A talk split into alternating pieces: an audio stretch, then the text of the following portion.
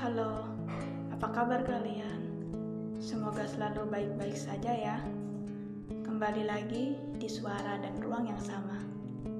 Kali ini kita akan ngobrol tentang masalah yang sering gue sendiri alamin. Mungkin lo semua juga pernah atau sedang ngerasain hal ini. Self-doubt.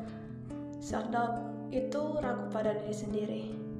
Kurang lebih, gue ngerti gimana rasanya self-doubt guess it's like the feeling of saat lo ngerasa gak percaya diri dan gak yakin bakal bisa ngerjain suatu hal atau tidak.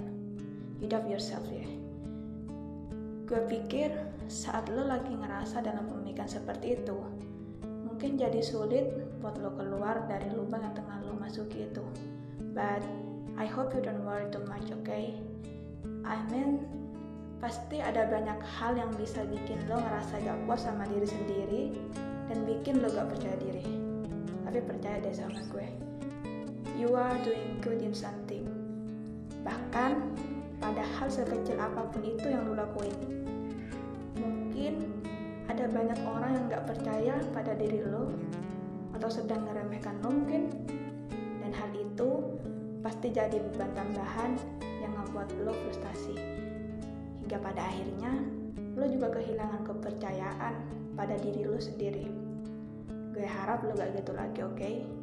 Karena pada saat semua orang ragu pada diri lo, cuman ada lo yang sebagai pemilik diri yang harus bisa percaya sama diri sendiri. Jadi, mulai hari ini, gue harap lo harus lebih percaya sama diri sendiri. So, gue katakan sekali lagi, believe me, that's something you are really really good at. Anggap aja itu adalah salah satu langkah yang harus lo injak buat lo naik lebih tinggi lagi ke atas. So no worries, it's okay. You are the best. Gue pun sama, juga lagi belajar buat berhenti doubt myself. Kasian kan diri gue kalau gue aja gak percaya sama dia.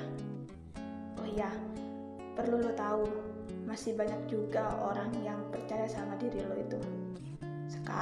coba deh buka mata lo, lihat sekeliling dan temukan orang yang percaya sama diri lo yang sangat berharga itu. Hmm, sekian untuk episode gue kali ini. Hope you enjoy it. Sampai jumpa lagi di episode lain Ruang Kita. Stay healthy.